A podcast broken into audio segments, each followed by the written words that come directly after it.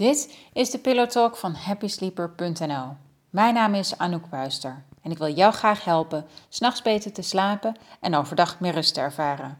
In deze podcast praat ik over alledaagse zaken die invloed hebben op je slaapkwaliteit. Ik ga op zoek naar kennis, inzichten en de slaapgewoontes van mijn gasten. Ons gesprek weet jou hopelijk te inspireren en helpt je om betere nachten te maken. Als je gaat slapen komen vaak onderdrukte emoties als vanzelf naar boven drijven en dat kan inslapen en doorslapen belemmeren. Dit keer heb ik een waardevol en persoonlijk gesprek met Manu Kersen, rouw- en verliesdeskundige die veel lezingen en boeken op zijn naam heeft staan. Het was een eer deze innemende man van 74 te ontmoeten. Zijn levenservaring en verhalen laten zien hoe je liefdevol met verdriet en verlies kunt omgaan. Ik wens je mooie inzichten en luisterplezier.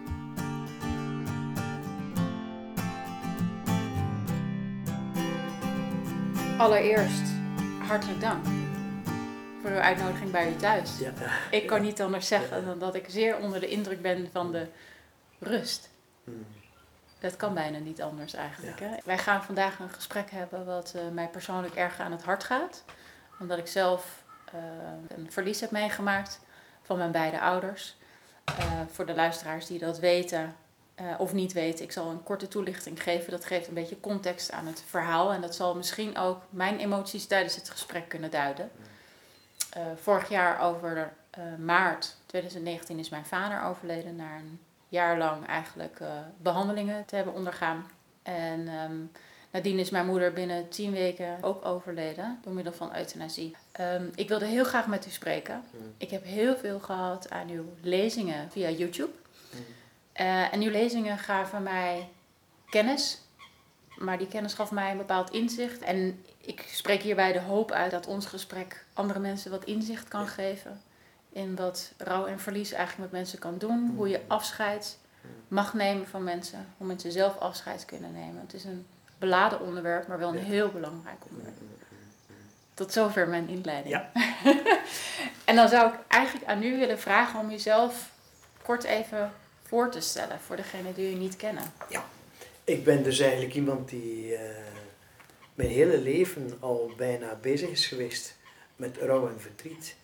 Ik heb als kind geleerd dat dat tot het leven behoort. Ik ben eh, opgegroeid in een klein dorpje in West-Vlaanderen eh, en ben vier jaar misdienaar geweest. In die tijd mochten wij de school verlaten om uitvaartvieringen mee te helpen verzorgen. Eh, en eh, toen stierven ook nog heel veel mensen thuis. En de pastoor ging met het laatste sacrament naar stervenden naartoe. En had dan een misdienaar nodig met een bel en een lantaarn die met hem meeging. Eh, en wij waren de enige misdienaars die telefoon hadden thuis toen, in die tijd. Ik spreek Mhm. dus over de vijftiger jaren van vorige eeuw. Ik ben dus tientallen keren met de pastoor meegegaan door de straten, door de velden, naar de slaapkamers van de gezinnen Mhm. waar iemand stervend was. Ik heb daar heel veel verdriet gezien als kind. Maar ik heb er ook heel veel liefde en verbondenheid gezien tussen Mhm. mensen. En dat heeft mij het gevoel gegeven van dit hoort, dit hoort tot het leven. Ja. En eh, toen ik terugkwam met de pastoor, was soms een uur wandelen te voet Mhm. naar dat gezin. Eh, toen wij terugkwamen door de sneeuw, door de herfst, door de lente, midden in de natuur, waar je eigenlijk ziet hoe de natuur tot leven komt en sterft in het najaar, eh, vertelden wij wat we meegemaakt hebben, wat we hadden beleefd.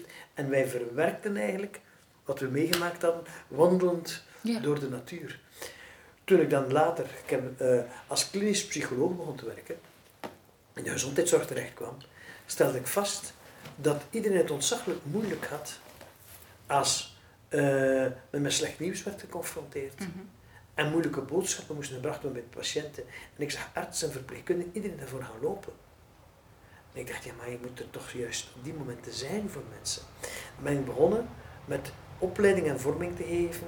En hoe breng je op een adequate manier slecht nieuws over? Wat kan je doen voor mensen in rouw? Wat kan je doen voor mensen in verdriet? Hoe kan je mensen bij sterven begeleiden? Mhm. Eh, ik heb in mijn leven ontzaglijk veel opleidingen gegeven. Ik heb ook het geluk gehad. Ik ben mijn loopbaan begonnen in een psychiatrisch ziekenhuis. En ik weet nog goed dat een, eh, toen was elektroshockbehandeling een klassieke vorm van behandeling. Hm. En een jongen van 21 jaar eh, kwam te sterven omdat de psychiater een, een te hoge dosis elektrische stroom door de hersenen had gejaagd. Mhm. Dat gebeurde dinsdagmorgen.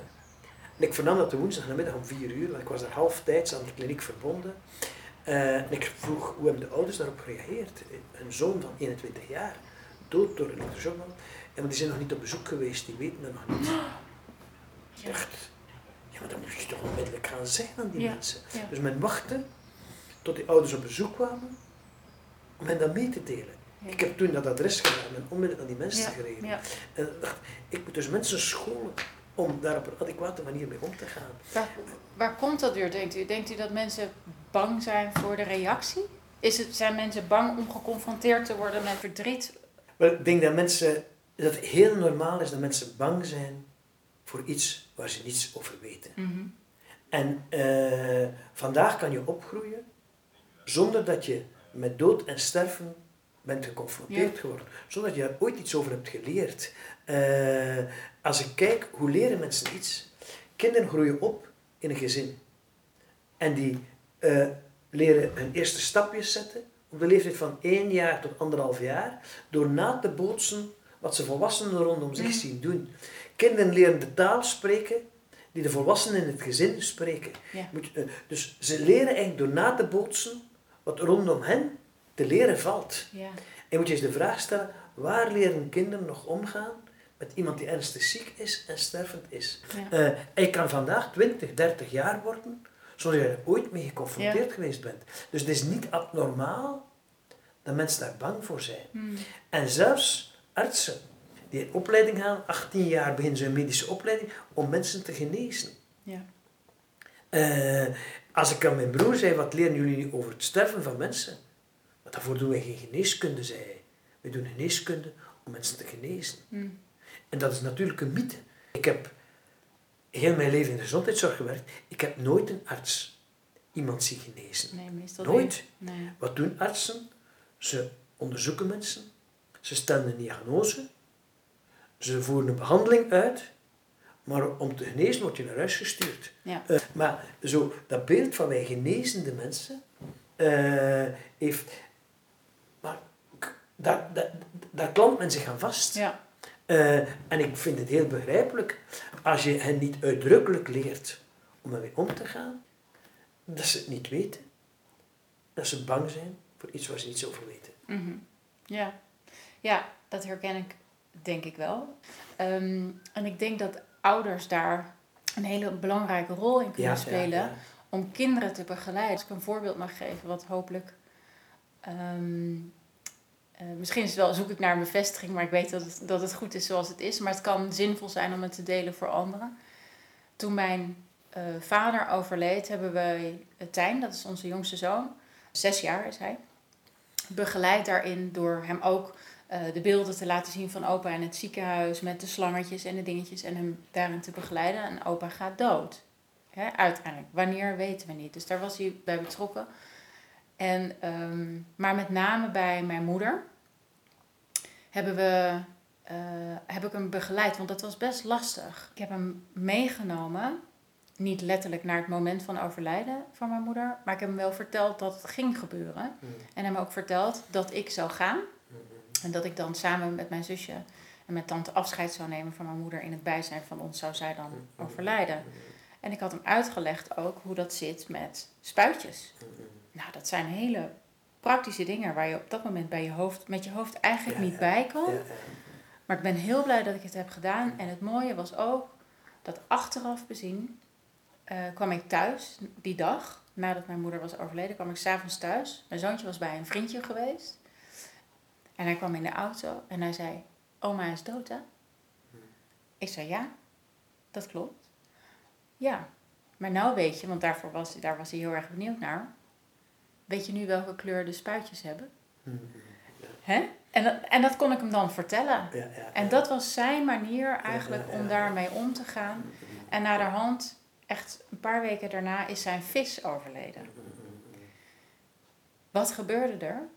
Hij wilde, één, hij wilde de vis zien. En twee, hij wilde afscheid nemen. Net als jij. Ik zeg, dat is goed.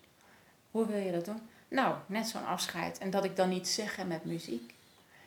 Dat hebben we gedaan. Dus we hebben de stoelen in de woonkamer neergezet, zoals in een aula.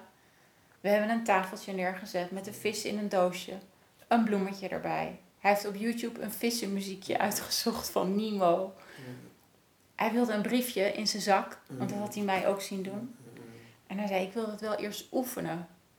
En toen hebben we zijn broer erbij gehaald en zijn vader erbij gehaald. En, hebben we, en we hebben het gefilmd, want het was zo mooi. Ja, ja. En hij heeft zijn afscheid gehad van zijn vis. En dat was, en ik merkte heel duidelijk, dit had hij nodig.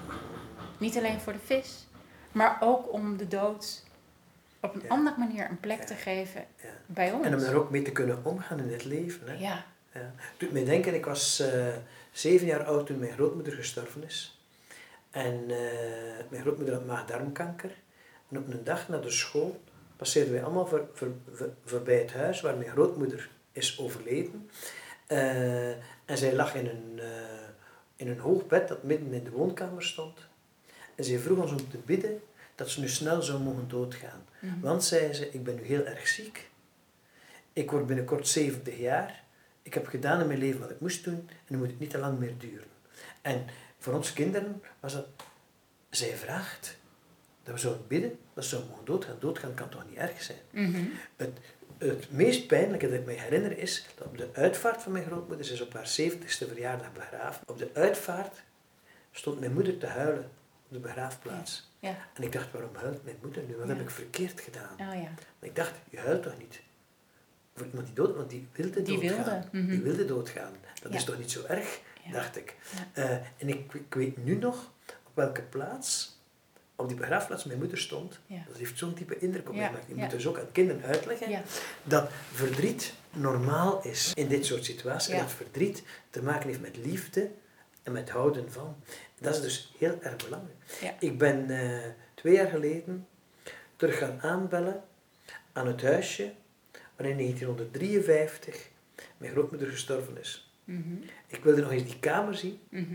Eh, waar dat bed stond. Mooi. Ja. En eh, er woonde een oudere vrouw. Ik mocht het huis, ik zeg maar, ik nog eens dat huis bezoeken, want hier is mijn grootmoeder gestorven in 53. Ik wilde nog eens naar die plek teruggaan.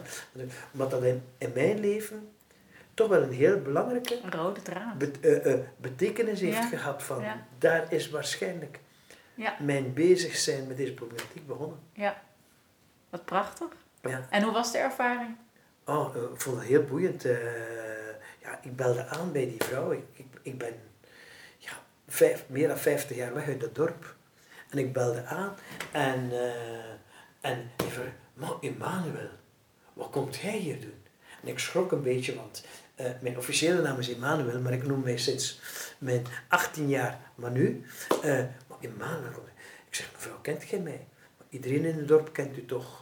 Eh, hij komt af en toe op de radio, op de televisie. Hij komt in de kranten. En wij zijn elke keer trots. Dat is Oh. één van ons.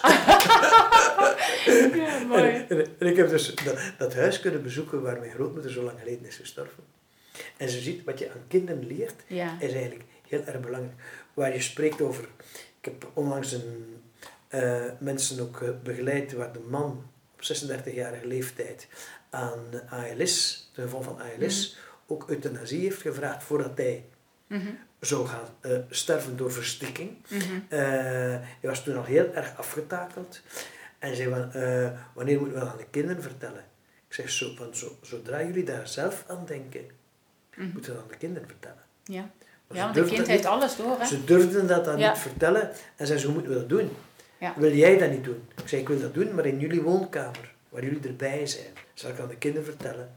Eh, en aan kinderen vertel ik, eh, als het om ALS is ook een heel duidelijke lichamelijke aandoening die kinderen ook zien. Mhm. Waar ik eh, aan kinderen kan vertellen, papa wil sterven.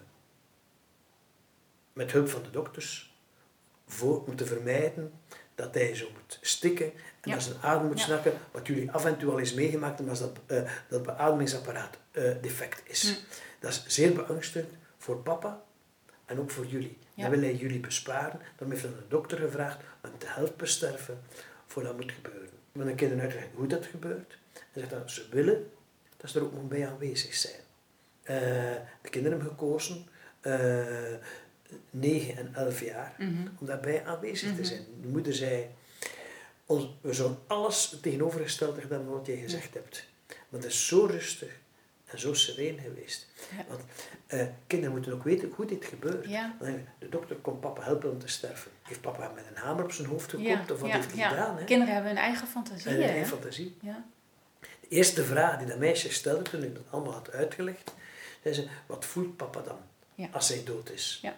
Ze dan voelt papa niets meer. Dan is de ellende voor papa voorbij. Dan is het verdriet voor jullie. Ja. Mag dus alle vragen stellen die je hebt. En dus kinderen zijn daar rustig mee kunnen omgaan. Ja, ja. En met name ook, dat heb ik gemerkt, als je het dan hebt over slapen en kinderen, volwassenen gaan natuurlijk, hè, dat, daar hadden we in ons voorgesprek ook al even over. Op het moment dat je overdag niet genoeg ruimte maakt voor je emoties en verdriet, om dat werkelijk te benoemen, om het te voelen, zul je merken dat je daar s'avonds in je bed, als je gaat liggen, dat je daar last van gaat hebben. Ja, ja, dat ja, komt naar boven. Maar dat geldt ook voor kleine kinderen. In de dag kan je vechten tegen Ja. die emoties. Maar als je gaat slapen, haalt die vechtkracht weg. En komt die, drijven die emoties naar boven. ja. En komen als nachtmerries vaak naar boven. Ja, of een herbeleving Ja, ja, ja. of iets dergelijks. Of heel veel zorgen voor een situatie die nooit zal zijn of nooit is geweest. En dat geldt ook voor kinderen. Ik merkte dat heel erg aan mijn jongste zoontje, dat hij s'avonds, als hij ging slapen, eh, dat hij eigenlijk altijd naar mij vroeg. Maar wat bleek nou? Nadat ik hè, eh, echt altijd naar hem toe ben gegaan om te vragen: heb je nog een vraag? Want dat is iets wat ik heb gezegd. Als je vragen hebt over de dood van opa en oma, mag je ze altijd stellen. Maakt niet uit. De vraag kan niet gek genoeg zijn. Dus ik heb ook hele bijzondere vragen gehad. Hè, van heel, heel praktisch over. Hoe heet wordt de oven? Is opa echt dood? Eh, is, was oma echt dood? Hoe weet je dat? Dat soort dingen. Maar dan ging hij s'avonds naar zijn kamer. En dan vroeg hij dus altijd om mij. Maar toen kwamen we er dus achter, eh, door bepaalde vragen te stellen. Zijn vis is s'nachts overleden terwijl hij sliep. Dus hij dacht, als ik ga slapen, moet ik wel zeker weten dat papa en mama er morgen nog zijn. Ja, ja, dus dan, en als je daar dan achter komt, dan kan je dat in ieder geval benoemen en zeggen: nee, maar met ons is nu Ja. niks aan de hand. Een logische redenering. Als Heel. ik niet ga slapen, was mijn vis misschien niet dood. Heb ik Precies, er misschien voor gezorgd. precies. Eh, en dan komt het schuldgevoel naar exact. boven. Eh, en de eerste reactie die mensen hebben bij zoiets is, "Maar je mag je toch niet schuldig voelen. Ja, Maar je kan er niks aan doen. En mijn boodschap is juist anders. Je mag je wel schuldig Ja. voelen. ja, Want schuldgevoelens en met liefde en verantwoordelijkheid te maken. ja. Je hoeft niet schuldig te zijn om je schuldig te voelen. Nee. Schuldgevoelens met liefde en verantwoordelijkheid te maken. En je moet, en de ene manier om die daarvan bevrijd te geraken, is dat je die mag uitspreken, Ja. telkens weer opnieuw. Want door ze uit te spreken, komen ze letterlijk naar buiten. Mhm. En, en raak je ervan bevrijd. ja. Ik geef een frappant voorbeeld die ik altijd bij mijn lezing geef, is heeft een jongetje in de Ardennen, van zes jaar oud, een huis in brand gestoken. En in die brand zijn twee kinderen verkoold achtergebleven. Toen de politie dat jongetje aansprak, was de eerste zin die dat kind zei. En ik heb een jaar geleden mijn papa ook al dood gedaan. Hmm. De papa van dat kind was een jaar tevoren aan kanker gestorven. Het kind zat al jaren met schuldgevoelens. Het is mijn schuld. De papa is doodgegaan. En die schuldgevoelens hebben hier van binnen zitten koken en kolken. Het is ontploft in de brandsteek van een huis waar twee kinderen het leven hebben verloren. Die twee kinderen hadden niet moeten sterven. Nee, Aan die mensen meer geweten over rouw en verdriet. ja. Inderdaad.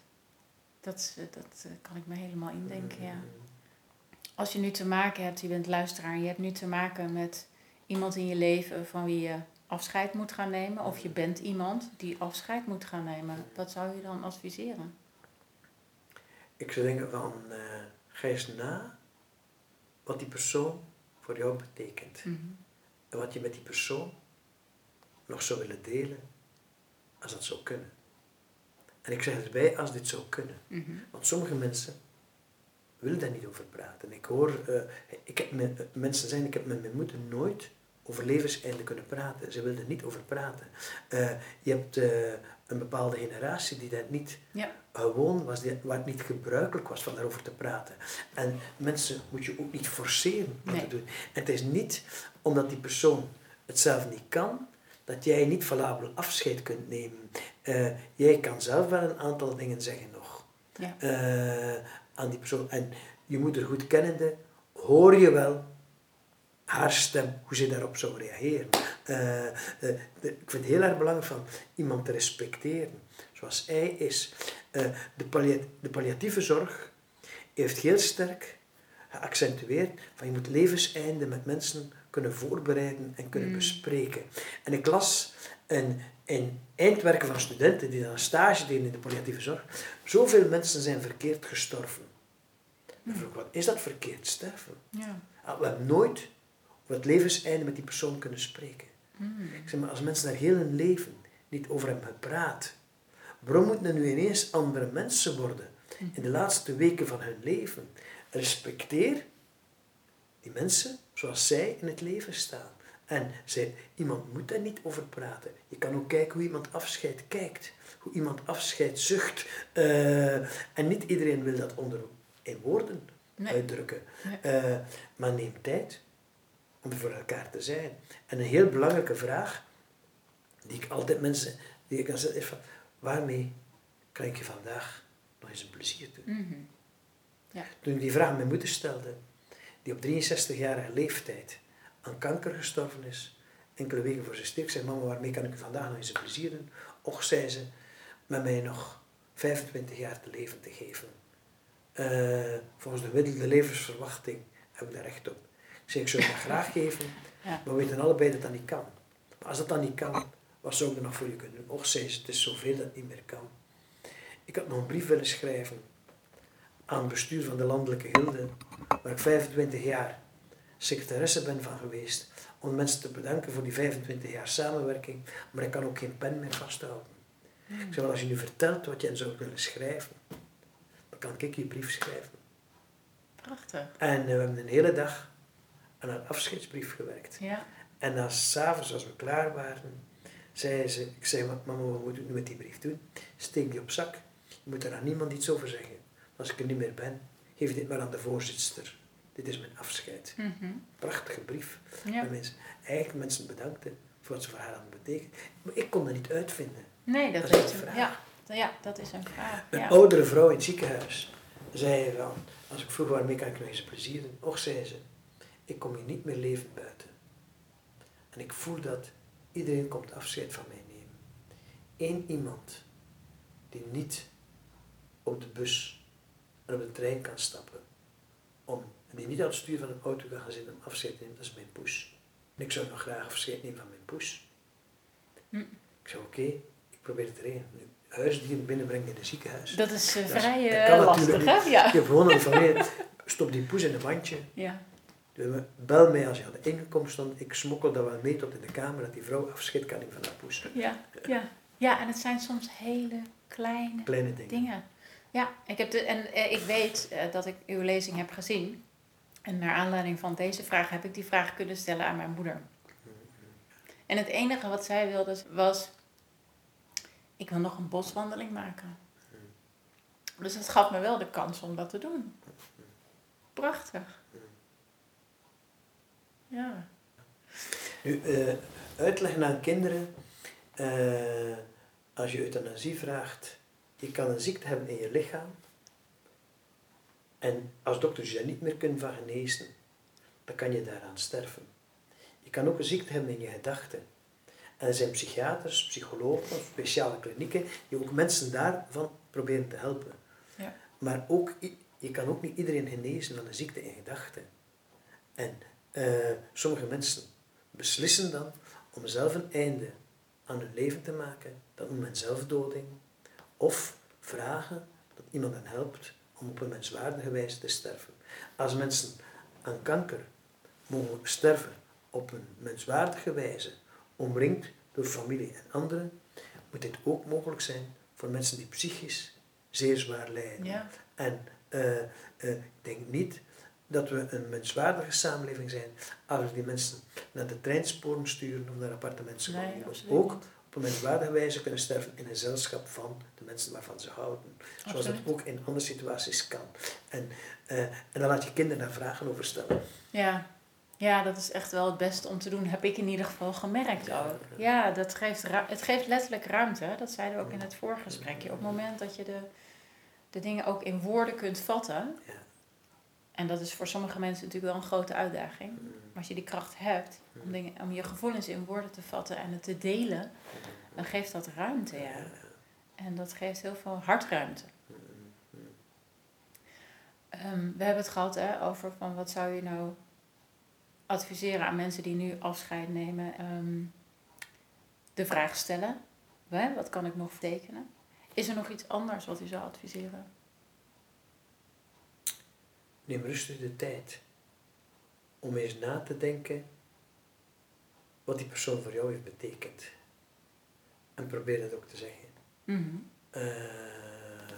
probeer het ook aan die persoon te vertellen wat die heeft betekend. Want dat is een geschenk dat je die ook meegeeft. Ja. En help de persoon vier dingen uit te spreken. Mm. Sorry, ik vergeef je, ik dank je, ik hou van je. Als men mensen kan helpen ja. om die dingen te zeggen, dan heeft men eigenlijk een kostbaar geschenk mee voor de generatie die komt. Ja. Ik denk aan, aan een vader die nooit erg veel liefde heeft betoond aan zijn zoon, of nooit zoiets heeft kunnen zeggen, als je die kan helpen, ja. op zijn sterfbed één keer aan zijn zoon te zeggen, jongen, ik heb nooit geleerd om dat te zeggen, om dat uit te drukken, maar ik wil toch één keer zeggen dat ik je wel altijd heel graag heb gezien. Ja. heeft hij een kostbaar geschenk mee. En het is voor kinderen ook van ontzaglijke betekenis te horen dat papa of mama of oma of oma gezegd hebben, ik heb je altijd heel graag gezien. En ook voor vrienden, van, je bent een zeer goede vriend voor mij geweest. Dit, met dit beeld kunnen achterblijven, maakt dat iemand voortleeft in de herinnering op een heel intense manier. Heel, ja, dat klopt. Ja. Mijn boodschap is altijd, sterven is verhuizen van de buitenwereld naar het hart van al de mensen die van je houden. Ja. En in het hart van mensen leef je verder. En je kan dus bepalen hoe je verder leeft. Maar wij kunnen ook mensen helpen om dit te bepalen, want mensen hebben dat niet geleerd. Nee, dat klopt. Ehm, als je kijkt naar de natuurlijke levensloop, dan is het ehm, je ouders overlijden. Hè, en dan jijzelf en dan je kinderen. Dus die chronologie heet het normaal gesproken. Maar je hebt ook situaties natuurlijk waarbij de ouder op veel jongere leeftijd uh, overlijdt. Dus ja, ja. Ehm, hoe zou je daar wel, dat is iets, uh, vroeger, uh, ouders die hun kinderen begraven, dat was vroeger klassiek. Hè. Drie generaties geleden, als je zes kinderen op de wereld zette, kon je ervan uitgaan dat twee tot drie daarvan zouden sterven voor ze volwassen leeftijd bereikten. Mm. Kindersterfte was vroeger heel courant, mm -hmm. omdat men geen antibiotica had. En je deed dus een ernstige infectie ging daaraan dood. Mm. door de vooruitgang van de geneeskunde, door de, vooruit, door de verbetering van de lichaamshygiëne en van de leef- en voedingsomstandigheden van mensen, zie je dat kindersterfte zeer sterk gereduceerd is. Maar door het feit dat mensen vandaag gemiddeld 30 jaar langer leven dan enkele generaties terug, zie je dat weer meer voorkomt dat ouders een van hun kinderen begraven, een van hun volwassen kinderen mhm. moeten begraven. Uh, en ook dit is voor mensen heel moeilijk. Van, uh, het is de hang van de natuur dat je als kind je ouders begraaft. Dat is tegen de natuur dat ouders hun kinderen moeten begraven. Maar dat komt natuurlijk voor. Mhm. Dat is natuurlijk voor mensen heel moeilijk en ook heel pijnlijk. Mhm. Ja. En mensen helpen om ook daar alles te doen voor hun kind. Ja. Wat ze hadden willen doen. Niet altijd gemakkelijk, want ik heb daar een, uh, ook een speciaal hoofdstuk in mijn boek aan gewijd want als je kind sterft, als ouders, heb je de regie in handen om dat te regelen. Maar als het een volwassen kind is, die al getrouwd is en eigen kinderen heeft, dan heeft die vrouw en die kinderen hebben de regie in handen. Mhm. En als ouders heb je die regie niet meer. En je kind woont misschien niet in je streek, want in een andere streek wordt daar, uh, heeft daar een begraafplaats. Terwijl ouders eigenlijk zouden willen dat hun kind bij hen wordt begraven. Uh, maar dat is niet meer zo. Dus uh, eigenlijk volwassen ouders die een kind verliezen, verandert er heel wat. En in de samenleving wil ik daar ook wel een lans voor breken. Eh, een vrouw zei, ik zat in de uitvaart van mijn enige zoon. En het ging in alle teksten over zijn vrouw en zijn drie kinderen. Mm. Ik was zijn moeder. Mhm. Ik werd niet één keer vernoemd. En toen ik aan een goede vriendin daar iets over zei, nadien zei ze, hij woonde toch niet meer thuis. Mm. Alsof je niet meer het Dus, kind van je ja, ouders bent, ja. moet je niet meer thuis. Heel vaak wordt er niet aan gedacht. Nee. En dat zijn, denk ik, in onze samenleving eh, volwassen, eh, ouders die een volwassen kind verliezen, wordt veel minder bij stilgestaan dan Ja. ouders die een jong kind verliezen. Alsof levenservaring je kan behoeden voor pijn. ja, ja. En dat is niet zo. Een andere groep waar ik in mijn boek speciaal aandacht aan geef, is volwassen broers Ja. en zussen Ja. die een broer of zus verliezen. Toen eh, die Maleisische vliegtuigramp in Nederland werd ontdekt, eh, werd, werd her- herdacht, Ja. heeft de Nederlandse overheid een herdenkingsviering georganiseerd op de verjaardag daarvan. En ze hadden een oproep gedaan naar al wie betrokken was bij die slachtoffers van die vliegtuigramp. Eh, partners, ouders, Zo Kinderen. Ja. grootouders, collega's, vrienden en vriendinnen. En de broers en de zussen hadden ze vergeten. Nee. Ja, die zijn niet genoemd. Oei. En dat, dat gebeurt heel vaak. Dat men, een crucia, dat men als cruciale groep broers en zussen die, die, dat men die vergeet. En dat zijn vaak voor mensen in hun leven de langste relaties. Hè. Ja. Eh, met je broers en je zussen heb je, eh, als je broer of zus, iemand zei, eh, wij waren met twee kinderen thuis, mijn ouders zijn gestorven. Toen mijn broer was gestorven, had ik niemand meer wat mee over, waar ik mee kon praten over de erfplussoep, zoals moeder die altijd maakte. Mhm, mhm. Dat zijn kleine dingen, maar Ja. die zijn belangrijk. Ja, heel belangrijk. En u noemt dus, we hebben nu we hebben een groep inderdaad van ouders die je verliest. Je hebt een groep mensen die hun kinderen verliezen. Je hebt ook een groep mensen die eh, eh, te vroeg geboren kindjes Ja, verliezen. Ja, ja, Hè? Of eh, een miskraam. ja. ja, En dat is ook een vorm van verdriet of afscheid en Dat rouw. is, ook een dat is het onderwerp geweest waarop ik gepromoveerd ben in 1989 aan de Universiteit in Leiden. Eerste Mhm. opvang van ouders die een kind verliezen bij perinatale sterfte. Dat was toen in 1989 nog algemeen gebruik. Die kinderen werden weggemoffeld, dat er niet meer over werd gepraat. Je moest aan de toekomst denken. Ja. En ik heb dus toen via mijn doctoraat de medische wereld en de samenleving proberen te overtuigen. Je moet de, die, kind, die overleden kinderen in de armen van de ouders geven. Je moet die namen eh, Ja. op- blijven onthouden. Je moet die blijven vermelden. Eh, dat gaat met mensen mee, een leven lang. Ja. Eh, toen ik in mijn onderzoek heb ik 64 heel concrete vragen gesteld. Aan eh, 320 ouders die dat meegemaakt hebben. Mhm. 160 vaders en 160 moeders. Mhm. Maar heel concrete vragen van, moet je een overleden kind in de armen van de ouders geven? Mhm. Moet je dat ook doen als het kind ernstig verminkt is in het gelaat? Mhm. Moet je kleding vragen aan de ouders om zo'n kind op te baren? Moet je ouders betrekken bij de uitvaartviering?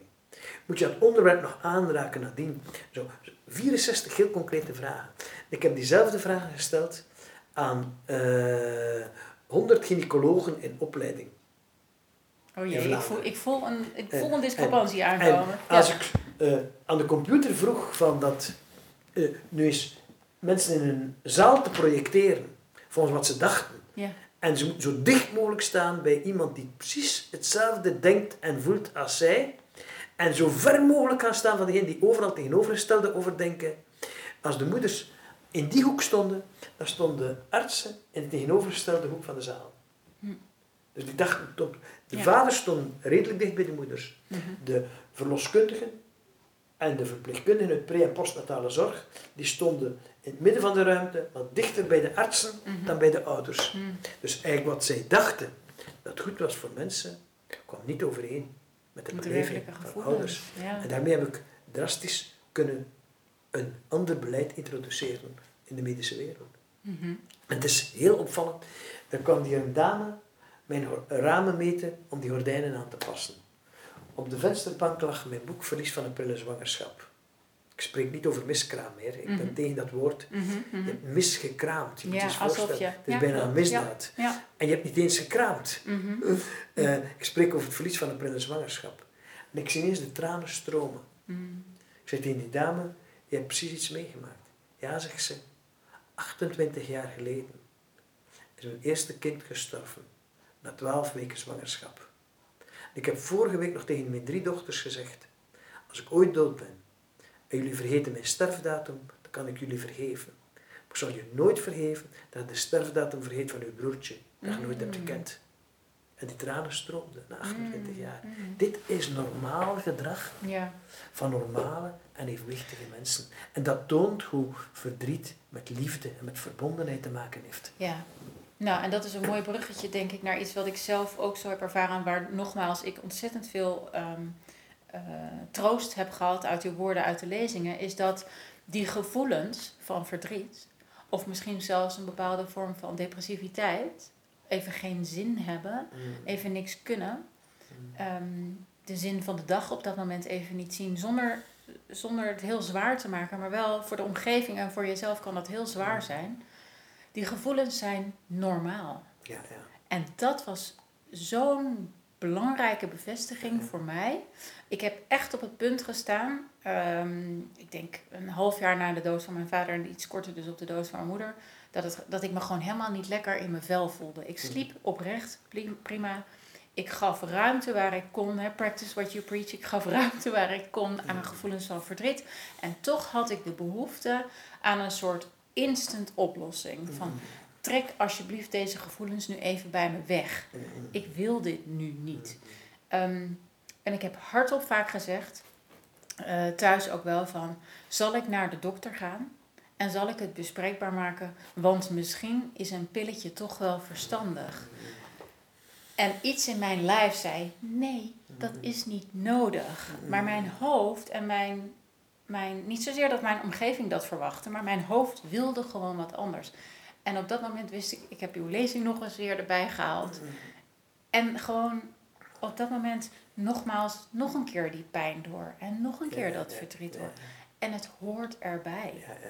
En dat is iets wat in de samenleving nu, mijns inziens, ontzettend.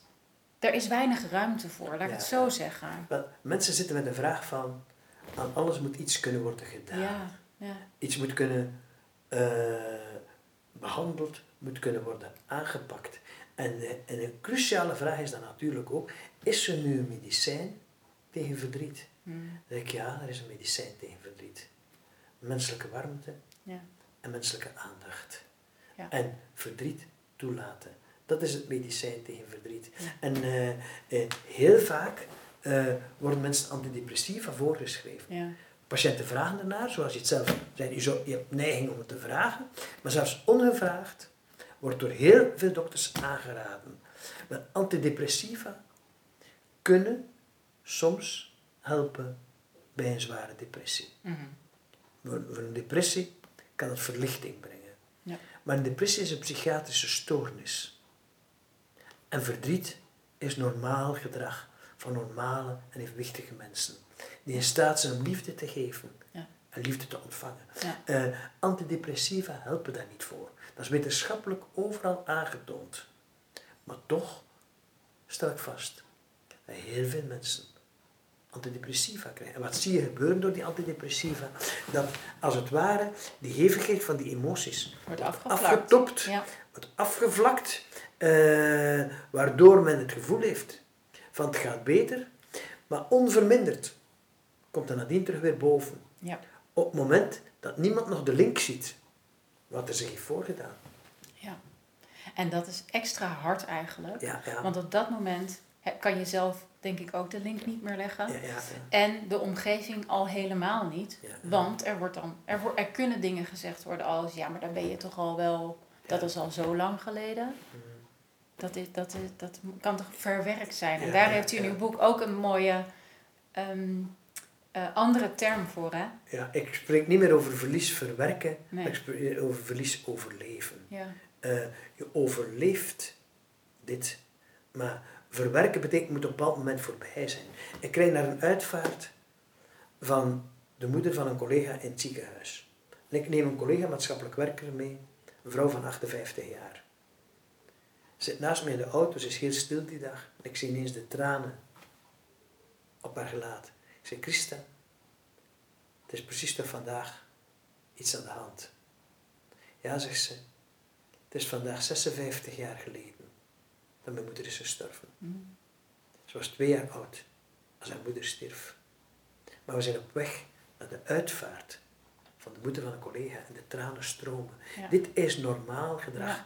Eh, is dat een onevenwichtige vrouw die dat niet heeft verwerkt? Zo, want dat is de eerste reactie van anderen. heeft dit nu nog niet verwerkt? Dat is een vrouw die samen met mij heeft gezorgd dat de kinderziekenhuizen dag en nacht toegankelijk waren voor ouders. Die op de kraamkliniek heeft gezorgd dat overleden kinderen in de armen van ouders werden gegeven. En die daar lansen heeft voor gebroken, daarvoor heeft gevochten.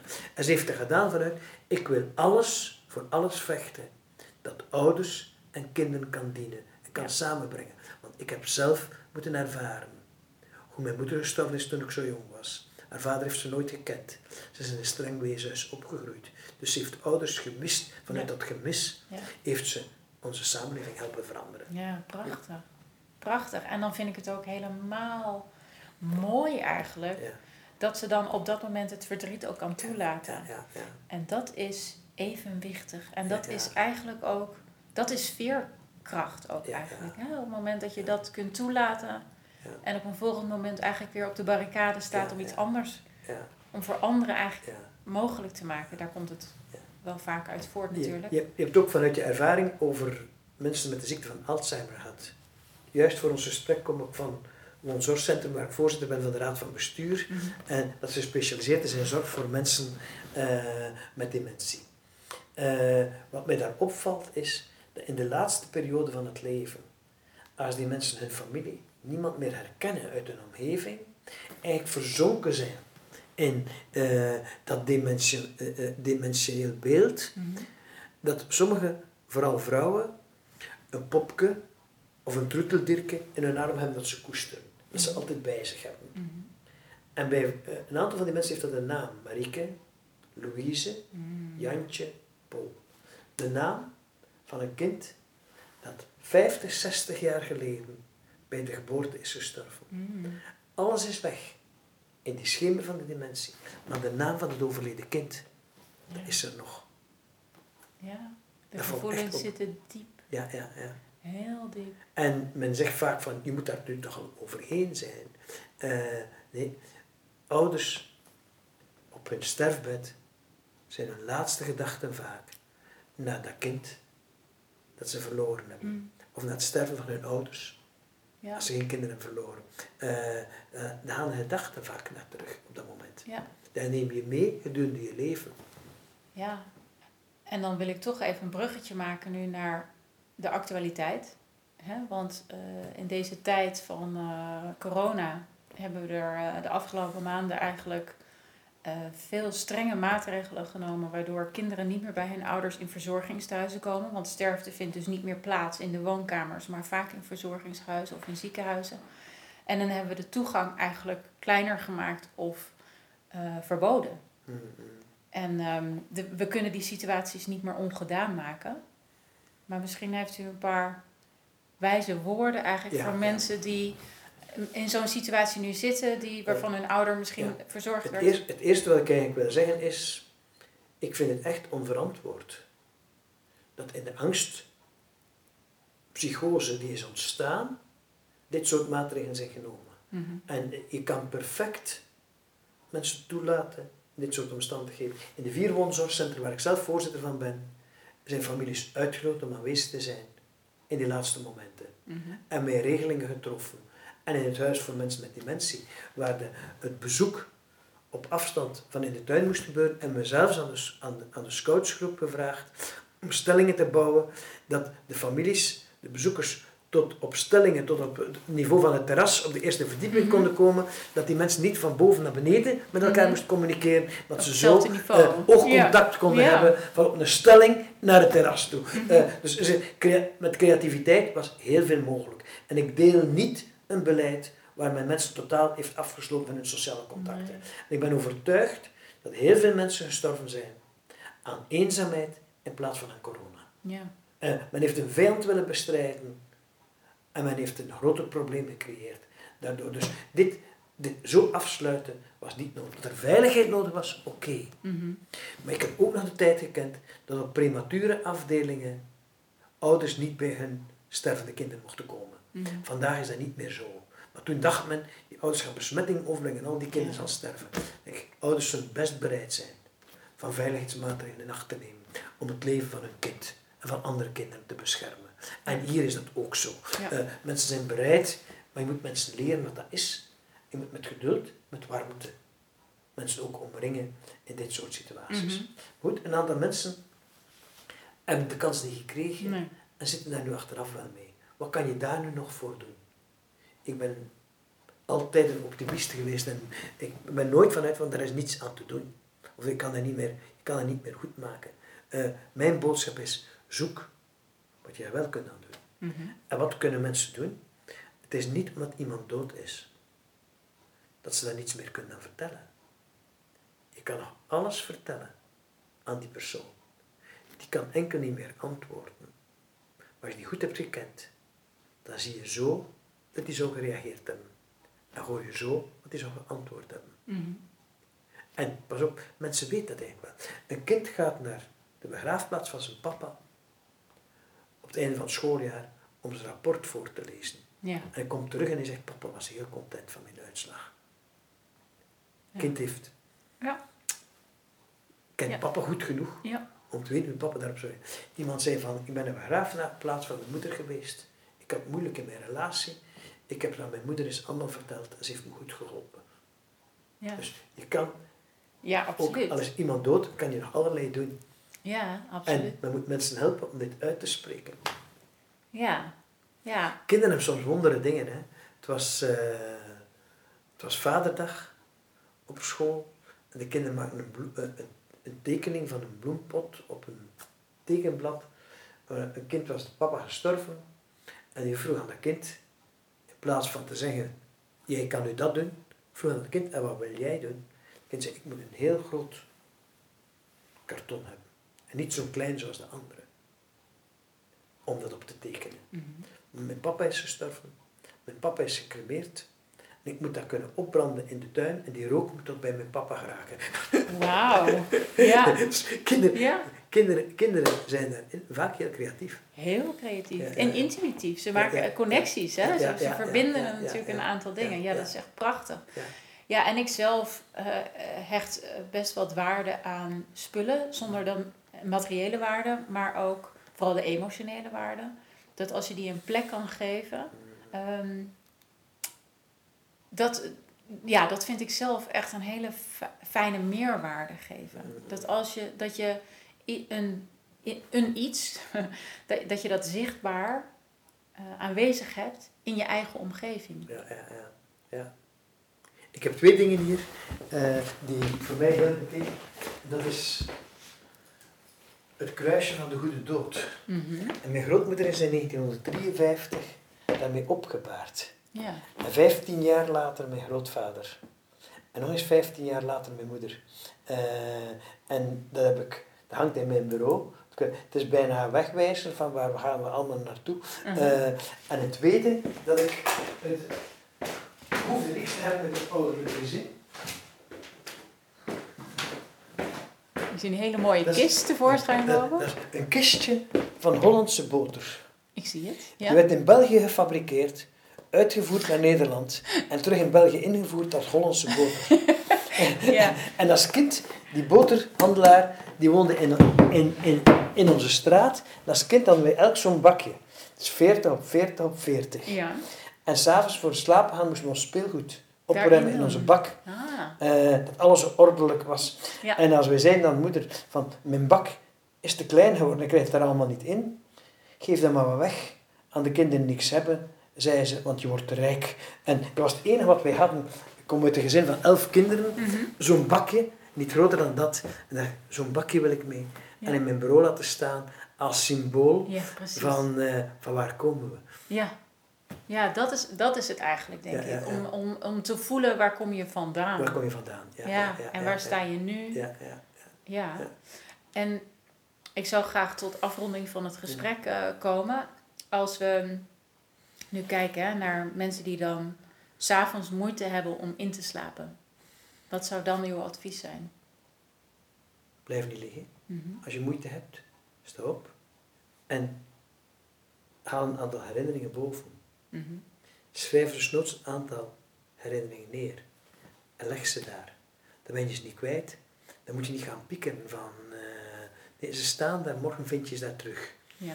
Als je bang bent dat ze zullen weg zijn, leg er een steen op. Dat ze niet weglopen. Mhm. maar leg ze daar. Maar wees ermee bezig. Ja. Want alle energie die je steekt in het verdringen, ben je kwijt om rustig in te slapen. Ja. Ja. Ja, dank u wel voor dit gesprek. Ja. Het was ontzettend waardevol. Eh, bij vlagen ook emotioneel, maar dat had ik ook niet anders verwacht, aangezien mijn verdriet nog best vers is. Ehm, en ik ben benieuwd, want u gaat nog meerdere lezingen geven, denk ik. Ja. Alhoewel er ook door de coronatijd... eh, Ik hoop dat ze niet. Ik had er, eh, het zijn er ongeveer 140 afgelast dit jaar door de coronatijd. Maar, heel veel verplaatst naar augustus, september. Ja, Ik krijg nu toch al bericht eind augustus. September, je komt toch? Ik zeg, ik kom zeker. Ja. Eh, eh, men heeft in Nederland zelfs een basiliek gehuurd. Eh, om de mensen voldoende ver van elkaar te kunnen zetten. Ja, ja, nou dat lijkt me een hele, hele waardevol, Ja. heel waardevol bezoek. Ik ga uw boek toch nog even heel specifiek noemen. Het boek wat Manu heeft geschreven heet Helpen bij verlies en verdriet. Een gids voor het gezin en de hulpverlener. En ik kan niet anders zeggen dat, dat het Mm. ontzettend waardevol is. Er staan heel veel ervaringsverhalen in eigenlijk. Heel veel adviezen. Ehm, en ik zou ook willen zeggen aan iedereen die, dat, die daar nu behoefte aan heeft... om dat eh, vooral te kopen voor zichzelf of voor de ander... Ja, ja. Hè, om een ander Het wordt te... heel veel als geschenk gegeven aan Ja. mensen. Ook met kerstmis, nieuwjaar. Vinden mensen dat heel raar om eens- als geschenk een boek over verdriet te geven. Maar één keer dat ze het beginnen te lezen, zien ze dat het eigenlijk een eh, heel bemoedigend boek is. Heel erg, Ik heel vond, erg. ik vond het ook heel mooi. Ik kreeg een, eh, een berichtje van onze kardinaal, eh monsieur de Kezel. Hij zei, ik heb uw boek gelezen. Eh, jij spreekt nergens in dat boek over God. Maar ik heb zelden zo'n diep gelovig boek gelezen als dit, schrijft hij. Ja. ja, een geloof in verbondenheid en Ja, liefde. Ja, ja, ja, ja. Dat is het, denk ik. Ja. Hartelijk dank nogmaals. Een prachtiger einde kan ik niet eh, bedenken.